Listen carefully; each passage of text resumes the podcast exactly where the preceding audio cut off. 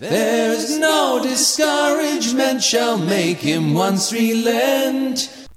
Beste luisteraars van Camino NL.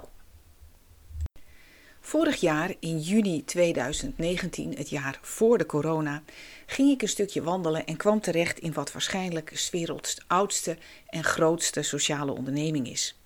Het was alsof ik op een andere planeet was terechtgekomen, ver weg van de wereld van het geglobaliseerde kapitalisme waar ik normaal in woon. Op deze wonderlijke planeet is slechts één ding te doen: lopen, honderden kilometers achter elkaar. Dat is waar mensen voor komen vanuit de hele wereld. Iedereen draagt alles wat hij nodig denkt te hebben in een rugzak.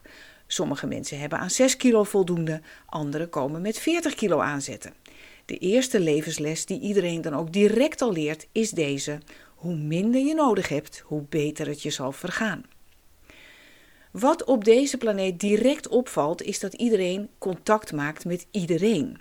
Iedereen heeft alle tijd van de wereld en iedereen loopt dezelfde kant op. De gesprekken gaan natuurlijk over het onderweg zijn, maar ook over de staat van de planeet, het leven thuis of het leven in het algemeen. Politiek was in het desbetreffende jaar ook een populair onderwerp, vooral onder wandelaars uit landen als Turkije, Rusland, Brazilië en, tja, de Verenigde Staten. Elke avond moeten al die mensen een slaapplek zien te vinden.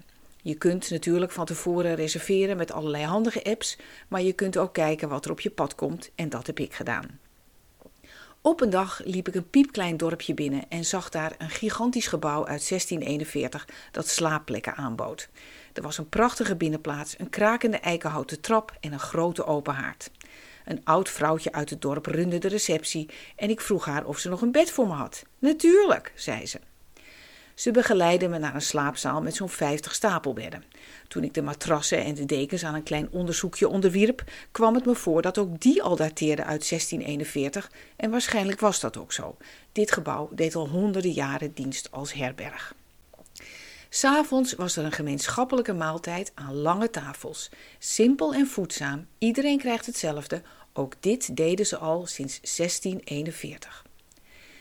De volgende ochtend regende het, poncho aan dus. Twee uur later stond langs het pad een klein handgeschreven bordje met de tekst Welcome, we're open. Een paadje leidde naar een verbouwde koeienstal. De stal scheen er nog steeds doorheen. Aan de kapstok tientallen natte poncho's, het zat stampvol. De zaak werd bestierd door Donna Isabella, een dame op leeftijd. Ze runde haar nering met speelsgemak, kalm en efficiënt tegelijk. Een prijslijst of menukaart had ze niet, een kassa ook niet. Wel een schoenendoos met het woord donativo erop. Daar kon je een donatie in doen.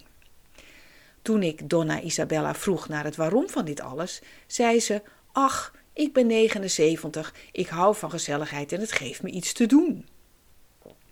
Waar ik me op deze wonderlijke planeet nog wel het meest over verbaasd heb, is wat ze er allemaal niet hadden. Deze complete planeet runt zichzelf zonder hiërarchie, zonder hoofdkantoor, zonder reclame, zonder bureaucratie en zonder managers.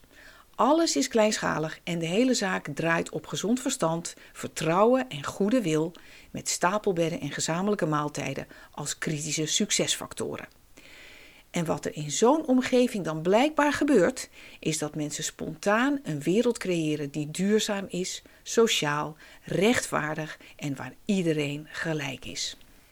En toen we in maart 2020 de intelligente lockdown kregen en het geglobaliseerde kapitalisme met een schok tot stilstand kwam, zag ik opeens, gewoon hier in Amsterdam, allerlei dingen gebeuren die me aan de Camino deden denken. En dat bracht me op een idee. Ik ben deze podcast begonnen over de Camino, waarin pelgrims hun verhaal vertellen. Ik wens je heel veel luisterplezier. Als je in je podcast-app op abonneren klikt, dan komen nieuwe afleveringen vanzelf bij je terecht. En mocht je een idee hebben voor deze podcast, dan kun je me mailen via postapenstaartje johannakroon.nl. His first avowed intent to be a pilgrim